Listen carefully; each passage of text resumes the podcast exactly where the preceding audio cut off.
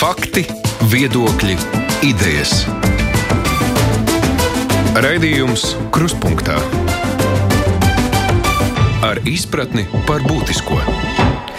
Labdien, studijā Māra Jansone. Satversmes tiesa lēmusi, ka garantētā minimālā ienākuma līmenis, kas šobrīd noteikti 64 eiro, neatbilst satversmei. Ko nozīmē šis spriedums, par to mēs runāsim šajā stundā ar studijas viesiem. Attālināti mums ir pievienojusies satversmes tiesas priekšsēdētāja Inedz Ziemē. Labdien! Labdien. Tiesības sargs Juris Jansons, kas iesniedz šo prasību satversmes tiesā. Labdien! Labdien! Labklājības ministre La Ramona Petrāviča. Labdien! Labdien! Un Latvijas pašvaldības savienības vadītājs Gins Kaminskis. Labdien! Labdien! Vispirms jautājums Ziemeļas kundzei, ko pēc būtības nozīmē šis spriedums? 64 eiro ir par maz. Ja palielinās šo GMI līdz 109 eiro, vai tas nozīmē, ka spriedums ir izpildīts, vai tomēr ir vajadzīgs kas vairāk? Jā, es domāju, ka tā ir ļoti nepareiza diskusija, kas tagad ir aizgājusi, un ir ļoti daudz eh, nesaprastā attiecībā uz tiesas spriedumu un līdz ar to arī tiesas kompetenci. Tātad eh, tiesa nespriež par kaut kādām eh, konkrētām summām.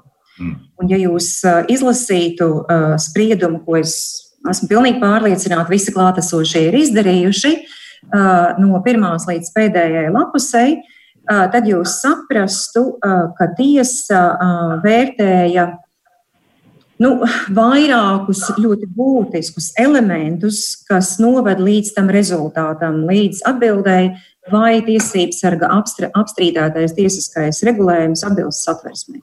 Un tātad pirmais jautājums, kas vispār ir garantētā minimālā ienākuma pabalsts, kam tas ir domāts, šajā gadījumā gan mēs esam diezgan daudz jau skaidrojuši tiesa, ka faktiski tiesas sēdē neviens nevarēja pateikt, kas tad konceptuāli ar to ir domāts.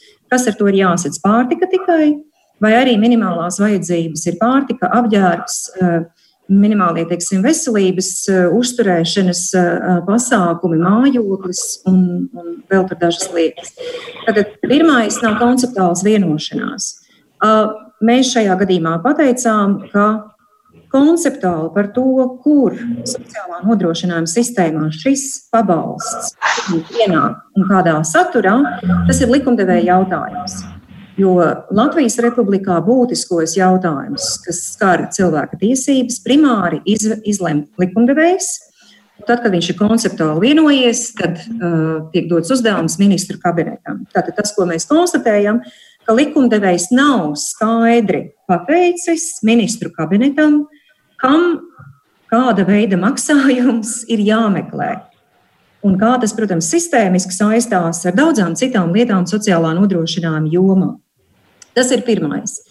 Um, nākamais jautājums, uh, ko mēs atklājām, jo to jau, kad mēs ejam lietā, mēs jau nezinām, ko mēs atklāsim. Uh, nākamais mēs atklājam to, ka attiecīgi uh, pēc kādiem principiem tiek noteikts šis minimālo pamatvajadzību sekšanai nepieciešamais valsts atbalsts, kāda tā metode ir.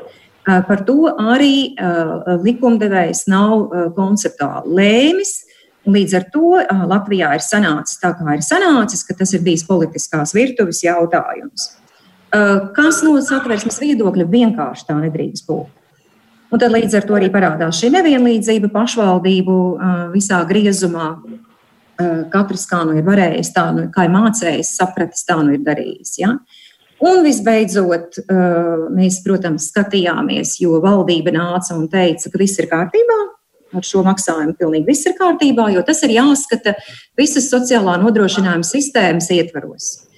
Mēs paskatījāmies visas sistēmas ietvaros ar visiem pārējiem dažādajiem pabalstiem. Tātad, kas izriet no sociālās drošības sistēmas un arī sociālajiem pakalpojumiem. Mēs to visu ņēmām vērā. Spriedumā par katru no viņiem ir satversmes tiesas analīze un vērtējums. Mums, diemžēl, nācās secināt, ka nē, ka pat ieliekot visu šo GMI, ieliekot tātad kopsakarā ar visiem citiem sociālās drošības sistēmas pasākumiem, ka šo pamatvajadzību, kuras mēs neesam definējuši, kas tās tādas ir, sekšanai, protams, šādā izpildījumā GMI neatbild uz šiem jautājumiem. Un tieši tādēļ satversmes tiesa secināja, ka pirmais pants satversmē, proti, Latvija ir demokrātiska tiesiska republika, un satversmes 109. pants, 109. pants konkrēti nosaka, tātad, ka Latvijā tiek garantētas sociālās tiesības. Attiecīgi šie abi divi panti ir pārkāpti. Tā kā varbūt mēs varētu, izmantojot šo raidījumu, novirzīties eh, no summu meklēšanas un varbūt runāt par konceptiem un arī par sistēmisku pieeju. Jā, jautājums iesniedzējiem tiesības sargam Jurim Jansonam, vai jūs piekrītat, ka šajā gadījumā nu, nepietiks tikai ar summas mehānisku palielināšanu līdz kaut kādam līmenim, ka tas ir jāskatās plašāk?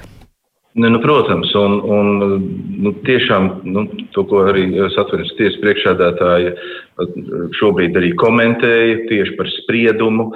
Jāsaka tā, ka nu, es neko citu arī nevaru pateikt, un mēs esam viensprāts, ar, protams, ar Ziemeļas kundzi, jo tāds arī bija mūsu mērķis, jo mēs arī fokusējām uz to, vai, teiksim, argumentējām, ka metodoloģijas nav, mērķis, kam konkrēti šis pabalsts ir paredzēts, nav skaidrs. Un, nu, nu, teiksim, nu, tad, ir, tad ir jautājums jau vispār kopumā par sistēmu. Un, kā jau es minēju, mēs nevaram aiziet uz satversmes tiesu ar tādu milzīgu abstraktu uh, pieteikumu, teiksim, apstrīdot sociālo pabalstu sistēmu. Tāpēc mēs gājām nu, teikt, sistēmiski, sākām ar garantēto minimālo ienākumu līmeni. Nu, tad, tad secīgi nu, ir arī vairāk citu pieteikumu. Bet es gribētu teikt tā, ka nu, gudri, viedri šobrīd rīkojoties, pieņemsim, parlamenta, valdības un arī pašvaldību līmenī, pilnīgi pietikt ar šobrīd esošo spriedumu par GMI, lai varētu izdarīt jau attiecīgus, nu, tā teikt, arī pārdomas, secinājums un veikt jau konkrētas darbības attiecībā par sistēmu kopumā, lai mēs nenoslogotu satversmes tiesu, ar līdzīga rakstura pieteikumiem, ar ko es esmu vērsies satversmes tiesā. Jo faktiski eh, tie principi, tie skaidrojumi, eh, konstitucionālās vērtības, kas šobrīd ir eh, plaši komentētas satversmes tiesas spriedumā, pilnīgi pietiek, lai valdība un parlaments izpildītu to maizdarbu, par ko minēja arī Ziemelskundze.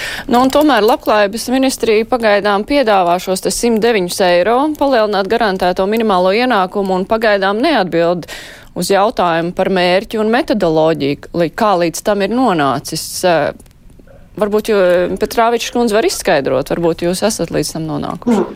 Jā, metodolo, metodoloģija bija izstrādāta arī iepriekšējā gada minimālā ienākuma līmeņa sistēmas um, pilnveidas plānā, ar uh, kuru es gāju uz valdību.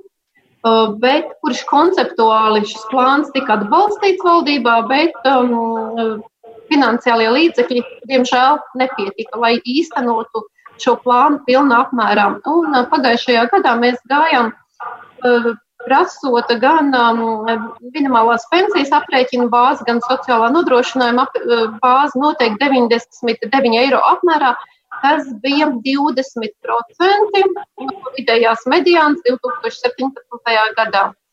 Kāpēc eh, šobrīd ir 109 eiro? Jo ir jauni dati, un 2018. gada vidējie maisaimniecības ieņēmumi ir 545 eiro, un 20% mediāna ir 109 eiro. Bet kāpēc, kāpēc, tieši, kāpēc tieši 20%? Tā arī ja citās valstīs tas atbalsts, kas tiek um, cilvēkam uh, nodrošināts uh, naudas izteiksmē, ir parasti 20, 25%. Un, protams, tas ir jāvērtē arī uh, kopumā ar valsts ilgspēju un to, ko valsts var atļauties, arī ar, tiem, ar, ar minimālo algu, ar to, ko cilvēki saņem strādājot, jo šis um, pabalsts tad ir eh, domāts eh, uz eh, grūtībās, īsās grūtībās nonākušiem cilvēkiem, kas ir palikuši bez, bez darba. Un līdz ar to mēs arī minimālā pensijas bāzi vēlreiz iesim uz valdību un prasot šoreiz 109 eiro, jo neapšaubāmi, ka minimālā pensijas gan sociālā nodrošinājuma pabalsts nevar būt zemāks nekā garantētais minimālais ienākums. Un um, 15. jūlijā mums ir arī sarunas ar Latvijas pašvaldības savienību tieši par um, GMI un uh, trūcīgās personas ienākumu līmeni, jo jāpārskata arī ir trūcīgā personas ienākumu līmenis, nosakot to 40% apmērā no mediānas. Bet vai, cipari nav izrauti no gaisa. Bet vai labklājības ministrija ir rēķinājusi, nu, ko cilvēks var izdarīt ar šo pabalstu? Jā, nu, tā kā tās pamat vajadzības, kas ir um, cilvēkam būtu jānodrošina, tas ir ēdiens, mājoklis, apģērbs, um, veselība un izglītība. Veselība un izglītība visiem tiek finansēta vienādi. Savukārt mājokļa pabalsts arī ir noteikts, to pašvaldības nosaka. Jo sākotnēji ka tika ieviests, un tas bija domāts nosakt visas šīs um, vajadzības, bet tad uh, radās mājokļu pabalsts, kā, kā jauns atbalsta veids. Un līdz ar to ar 109 eiro tas ir domāts arī man šķiet satversmes tiesas spriedumā bija, ka ja cilvēks um, ir mazaktīvas, tad tie minimālie līdzekļi, kas ir nepieciešami uzturam, ir 96 eiro. Un, ja cilvēkam ir lielāka kaloriju patēriņš, tad nedaudz pār 100 eiro. Šie, šie līdzekļi būtu pārtikas iegādai un, un, un arī apģērbam. Rēķinot arī vēl klāt, ka cilvēks saņem arī pārtikas pakas kā trūcīgā persona. Labi, no pašvaldību viedokļa. Tagad labklājības ministri e, piedāvā šos 109 eiro. Tas e, būs pašvaldībām jāmaksā. E, plus vēl tika minēta mājokļu pabalsts. Nu, katrā pašvaldībā tad ir šis cits atbalsts, ko pašvaldība katra var atļauties. Kaminskungs, kā jums šķiet, vai ir nepieciešams. Uh, pirmkārt, nu, palielināt šo pabalstu, un otrkārt, veikt kaut kādas būtiskas izmaiņas, vai arī tas, kas tagad tiek nodrošināts, ir pietiekami sistemātiska palīdzība? Paldies. Pirmkārt, man liekas, ka ir valstī jānovērš šī sociālā atstumtība. Un būtībā satversmes tiesa ir ar savu, ar savu spriedumu parādījusi ceļu, pa kuru mums kopīgi jāiet.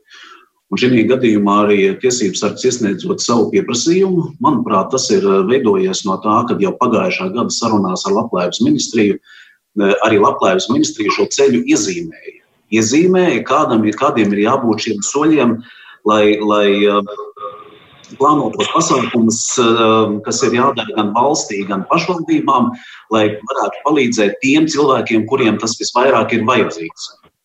Un, protams, bija bažas, ka neatradīsies šie papildus 30 miljoni. Mums bija bažas, ka valsts pusē neatradīsies. Un, nu, tā arī notika. Ja. Šīs bažas apstiprinājās. Manuprāt, rezultātā tiesības sargs arī gatavoja šo, šo savu pieteikumu. Bet ar jūsuprāt, tas, ko tagad piedāvā labklājības ministrs, tas ir, pie, labklājības ministrija, tas ir pietiekoši un arī pašvaldības tam piekrīt? Tas, ko šobrīd dara Labklājības ministrija, tas ir tas darbs, kas ir jā, jāveic pietiekoši kvalitatīvi un jāiesniedz saimai, lai saima varētu pēc iespējas ātrāk pieņemt šo lēmumu. Arī mēs no savas puses, protams, vērtēsim. Arī mēs visu laiku esam nākuši ar saviem priekšlikumiem. Vienlaicīgi mēs ne tikai nezinu, gadu, divus mēs esam um, par to runājuši, bet pašvaldībām jau no laika vienkārši cilvēki nāk, cilvēki ar savām problēmām nāk ikdienā. Arī šodien sociālajie dienesti pat, uh, pieņem lēmumus, sniedzot šo palīdzību. Uh, būtībā uh, kādā veidā arī pirms garantētās minimālās iztikas līmeņa noteikšanas 2003. gadā pašvaldības jau pildīja šo funkciju, un tad tikai nāca valsts klāt. Un šobrīd mums ir pilnīgi citā pakāpē jāiet un jānodrošina Šeit mēs nu, jārunā noteikti, ka šī sistēma nav atrauta arī no ekonomikas, no tas, kas notiek valstī ekonomiskajā ziņā. Nav tas atrauts, tas ir kopīgs pasākums. Par uh, skaitļiem tiešām es arī šodien negribu runāt par skaitļiem, jo, uh, teiksim, no rīta runājot ar Reizeknas domas, novada domas priekšsēdētāju, viņš teica arī, ja viņam, piemēram, ir jāpieņem šis konkrētais 109 Um, tad tas papildus Reizeknas novadam izmaksā papildus 600 uh, tūkstošus eiro, kur noteikti tad jāskatās ar valsti kopā, kā to izdarīt. Bet tas ir šis mājas darbs, kādā veidā tad jāsagatavojas un jāpiedāvā parlamentam lēmumu pieņemšanai, situācijas sakrātošanai, lai necieš tie maznodrošinātie cilvēki, uh, kuriem tas ir ļoti nepieciešams. Jansson kungs. Jūs gribējāt komentēt? Jā, es gribēju komentēt, ka nu, jūs saprotat, tā retorika ir tāda, ka šķiet, ka neviens nav dzirdējis, ko uh, minēja uh, profesors Ziemels, atvērsties priekšādātāji, komentējot uh, spriedumu. Un jāsaka tā, ka tā, es atvainojos, muļāšanās notiek vēl joprojām. Runa nav par 109 eiro, 90 eiro, 500 eiro. Sauciet, jebkuru summu. Runa ir par sistēmu, runa ir par mērķi un runa ir par metodoloģiju. Un tas, ka ir kaut kāda mājokļa pabalsta, nu, to izlasiet spriedumu, taču ir skaidri redzams, ka tie mājokļa pabalsti patiesībā lielākajā daļā pašvaldību nesasniedz to mērķi. Rīga ir tuvu sociālajai realitātei. Beidziet runāt par tiem skaitļiem un beidziet runāt to, ka, ziniet, pagājušā gadā kaut ko, un tāpēc es vērsos apvērsums tiesā. Nē, es esmu vairāk gadu garumā mēģinājis valdību pārliecināt, parlamentu pārliecināt par sistēmas problēmu. Un visu laiku ir atlikts tātad tik tālu, cik tālu mēs to nevaram. Visu laiku tā mantra, ziniet, sociālās tiesības katrā valstī, politiskā izšķiršanās. Lieliski, nu, bet tagad ir satversmes tiesas spriedums ar ļoti konkrētu, ļoti viedu skaidrojumu par vērtībām. Punkts. Ziemels kundze. Jā, paldies. Un paldies arī tiesību sargām par šo papildu komentāru. Nu, kolēģi, no valsts attīstības viedokļa ir ārkārtīgi svarīgi tiešām izvērtēt nevis šo vienu GMI pabalstu atsevišķi, to, cik tā cena bija pirms tam un cik viņa būs pēc tam.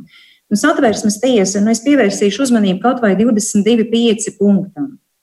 Satversmes tiesa arī balstoties valsts kontroles atzinumā ir atkārtojusi, ka visai šīs sociālās drošības sistēmai viņai ir jābūt efektīvai, optimālai, viņai jābūt, ir, protams, pietiekamai.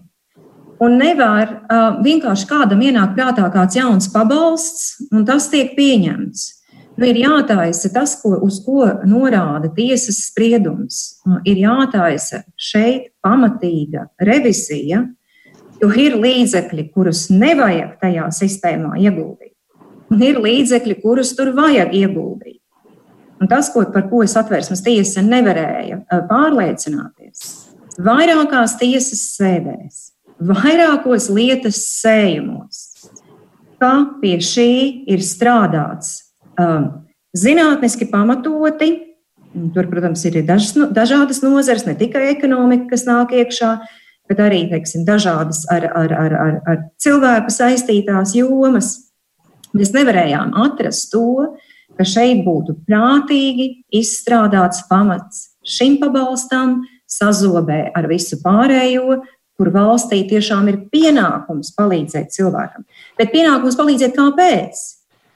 Lai tas cilvēks varētu sevi restartēt, lai tas cilvēks varētu radīt domu, ko viņš vai viņa grib darīt, atrast darbu, izveidot uzņēmumu. Nu, mēs jau nemaksājam pabalstu pabalsta dēļ, lai viņu maksātu. Nē, centrā ir cilvēks, un valsts palīdz cilvēkam par tik par cik, lai viņš atrod sevi un savu vietu un savu darbību Latvijas eh, tiesiskajā un ekonomiskajā telpā. Un vēl viena lieta, kas arī ir izskanējusi mēdījos, kas ir nepareizi, jo ir izskanējis teiksim, viedoklis, ka atversmes tiesa vai tiesa tagad veido valsts budžetu.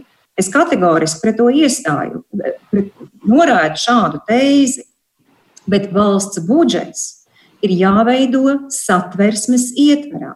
Nevar veidot pretiesiskus budžetus. Un par cik, par tik dažādi šie it kā ekonomiski raksturi jautājumi nāks uz satversmes tiesu. Satversmes tiesa vienmēr skatīsies caur satversmes prizmu, caur virkni principu, kurus mēs citas starp arī identificējām šajā lietā.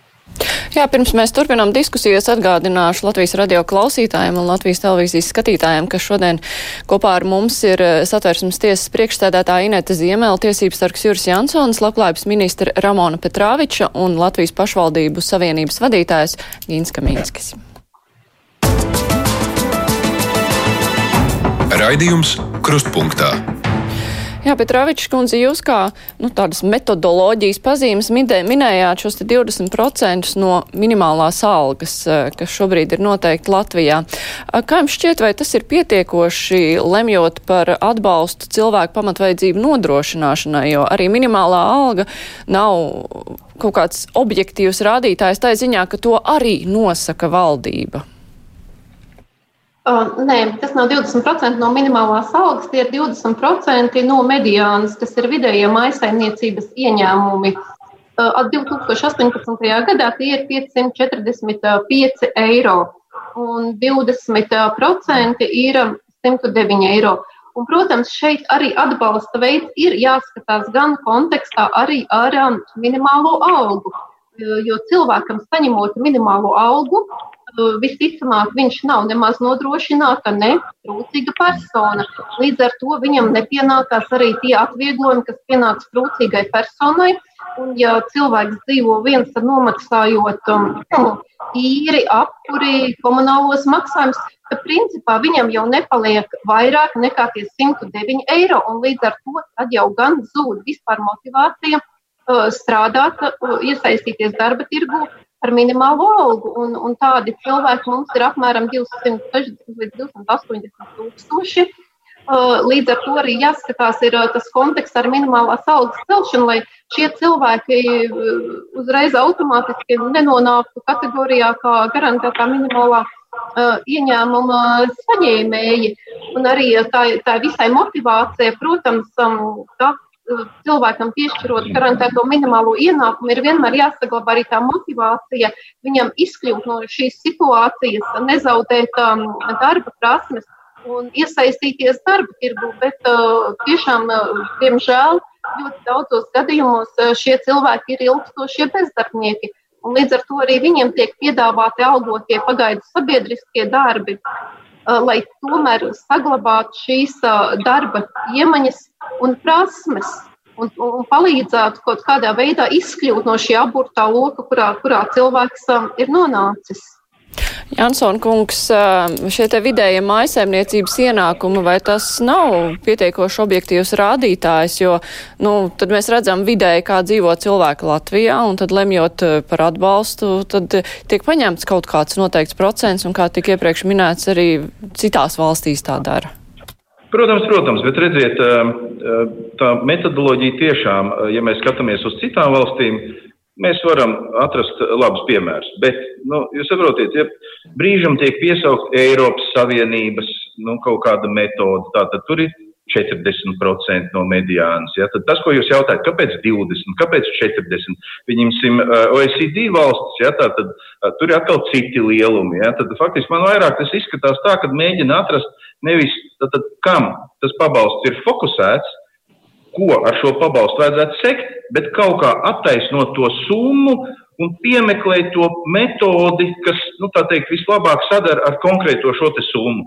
Nu, manuprāt, tas ir nepareizs ceļš. Ja? Jo nu, mediāna 20, jo mēs, ja mēs runājam par to, ka faktiski uh, atbilstoši arī nu, Eiropas Savienības aprēķiniem šobrīd, kas būtu ja, 60% no uh, mediānas, faktiski ir nabadzības riska slieksnis. Tas tiek noklusēts, jo ja mēs aizjām jau šādās detaļās un vienkārši spēlējāmies ar procentiem, mēs nesasniegsim to, nu, teikt, to racionālo, jēdzīgo mērķi. Jo, nu, tā teikt, šeit ir svarīgi ar kādu mērķi tiek piesaukti tie 20%. Tātad tie 20% no mediānas tā ir tā kā, nu, tiešām metode, kas būtu piemērojama Latvijā, un mēs saprotam, ko tad uh, ar šiem 20% no mediānas mēs nodrošinām, ja? Vai arī gluži pretēji. Tātad rekur ir cipars, ar ko mēs varētu, varētu vienoties ar pašvaldībām vai citiem sociālajiem partneriem, un tad piemeklējam, tad, nu, redziet, nu, ļoti labi, un attaisnojam šo 109 eiro ar kaut kādu mediānu. Tajā pašā laikā, ko darīt tiem pārējiem, kuri nu, dzīvo ar šiem vidējiem vai varbūt zemāk nekā ar vidējiem maisaimniecību ienākumiem, jo arī viņiem agri vai vēl var rasties jautājums, ka viņi kaut ko nevar sev nodrošināt. Nu, bet, protams, te mēs nonāksim atkal pie uh, minimālās algas, kas ir 430 eiro. Ja? Nu, jūs saprotiet, ja no tiem 430 eiro uh, noņem uh, visus tātad, šos nodokļus, cilvēks ir automātiski jau zem nabadzības riska sliekšņa. Ja mēs paskatāmies arī no sociālām iemaksām, kas tiek veikts no minimālās algas, ja no 430 eiro, Nākotnē šie cilvēki ir absolūtā nabadzībā un no sociālām garantijām, kas faktiski ir, nu, tātad, uh, ir noteikts mums sat, sat, satversmē, es nestādos priekšā, kā to varēs nodrošināt. Un atbilstoši arī tiem principiem, atbilst, atbilstoši arī spriedumam minētajam vērtējumam, kā mums ir jāsaprot sociāli atbildīga valsts, tiesiska valsts, kas balstīta arī cilvēku cieņā. Tātad arī teiksim, tā retorika, ziniet, nevar būt tas pabalsts eh, nu, tuvu minimālai algai, jo tas demotivē vispār iet strādāt. Te ir jārunā arī par to, ka tā minimāla alga visticamāk demotivē cilvēku nu, tātad, uh, meklēt to darbu, atbilstoši savai izglītībai, atbilstoši savai profesijai. Te, te, te jau ir tas uh, nu, stāsts par to sistēmas problēmu. Un es nerunāju, teiksim, kādai ir jābūt tai minimālai algai. Es neesmu saucis to skaidrs, bet arī runa tāda, ka uh, par to, ka bieži vien iestājās, ziniet, nu, nevar celt minimālu algu, tāpēc, ka nav produktivitāte. Nu, bet saprotiet, kas tad ir atbildīgs par produktivitāti? Tas darba ņēmējs ir atbildīgs par produktivitāti. Nē, Tā ir sistēmiska problēma, un šobrīd atkal sanāk tāda, tāda skraidīšana par īņķi vai savas astes ķeršanu. Nevaram mēs pacelt to, jo tad, tā, tad pietuvināsies minimālai algai, būs demotivēti strādāt. Minimālo algu mēs nevaram celt, tāpēc, ka nav produktāti. Nu, paklausieties, nu, tas taču ir kaut kāds cirks. Kaminskungs, kā jūs redzat izēju no šī te aburtā loka, un arī pašvaldībās droši vien, ka ir laba, vislabāk redzams uh, uz vietas, kas tad ir tās cilvēku pamatvajadzības un kā aprēķināt to? Jā. Pirmkārt, es eh, pievienojos tam viedoklim, ka uh, tas ir komplekss pasākums. Šobrīd satversmes tiesa ir pateikusi par neatbilstību mūsu valsts konstitūcijai, un uh, tas, tas ir jāpilda. Komplekss pasākums saistībā ar to, ka ir jā, jāpaukstina noteikti minimālā vecuma pensija, tā ir invaliditātes pensija, tā ir valsts sociālā nodrošinājuma pabalsta apmērs. Arī tas, tas ir viss komplekss pasākums, kādā veidā tas valstī notiek. Tālāk, tas, ko mēs tagad klausoties, vienkārši domāju, ka no vienas puses mēs atrodamies tā tādā darba grupā, kur, kur, kur tagad tās idejas tiek liktas kopā, un tad mēs nu, faktiski darām jau to darbu, kas ir jāpiedāvā tālāk, vai, vai jārada šis, šis gala produkts. Nu, man liekas, tas arī nebūtu pareizi, jo ir, ir noteikts virziens, ir jārada produkts, un tālāk jau ir šie, šo darbu grupu arī saimnes ietvaros, saimnes komisijas ietvaros ir apspriede, kā mēs nonākam pie labākā rezultāta. Tomēr mēs nonākam pie labākā rezultāta, un tas ir pateikts, ka tas ir jāizdara nākamā gada 1. janvāri.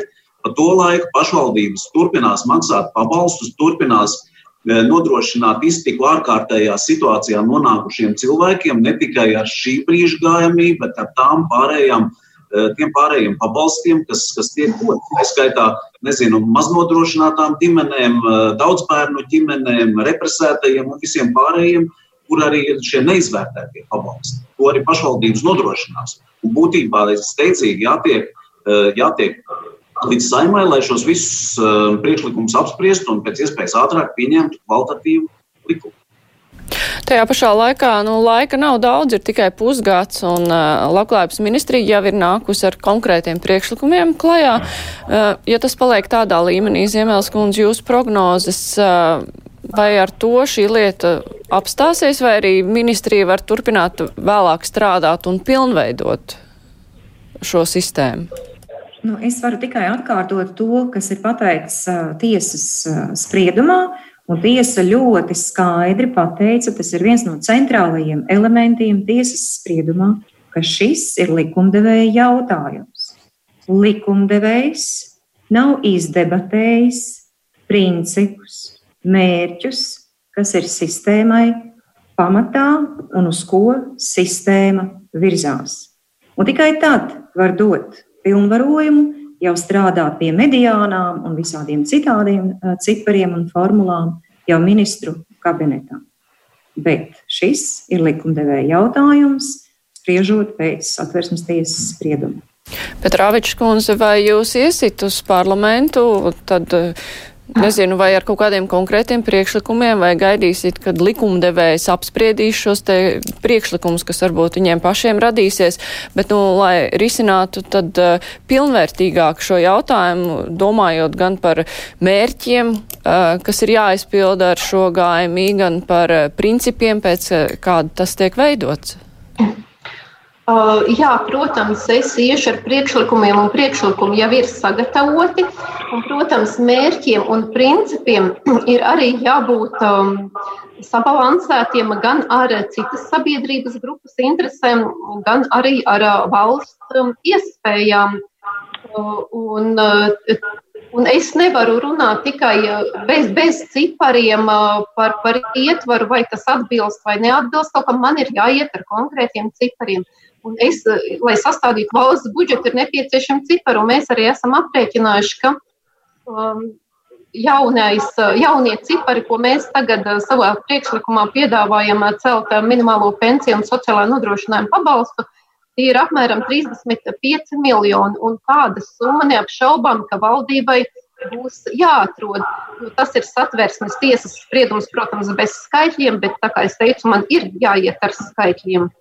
Un līdz ar to arī pašvaldības sarunās es um, um, rosināšu GMI no nākamā gada 1. janvāra noteikti 109 eiro. Un kā jau es skaidroju, gan ir uh, precizēts, kam tieši šis, kas ar šo summu, ko var izdarīt, kam tas ir uh, domāts. Tātad um, pārtikai un, un apģērbam. Uh, uh, nu, Tur pat īsti vairs nekāda diskusija par to, par to nevar būt, ka gājumi ir jāpalielina. Tāpat tās arī trūcīgās personas status, lai gan šobrīd ir daudz pašvaldības, kuras jau ir noteikušas garantēto minimālo ienākumu augstākā līmenī nekā, nekā 64 eiro, arī izdalot pa, pa mērķu grupām, katrai grupai nosakot savādāk. Tāpat tās arī trūcīgās un maznodrošinās personas līmenis katrā, katrā pašvaldībā ir savādāks. Un vis, visās šajās sarunās nekas jau nav nepareizs. Tad ir jāceļ gan minimālā pensija, gan sociālā nodrošinājuma pabalsts, gan gājumi, gan arī, protams, minimālā alga. Tas viss ir jādara kompleksi, jo mēs nevaram skatīties tikai atraut uz vienu, uh, pabal, uz vienu pabalstu. Tas Un, un tur ir jābūt cipariem.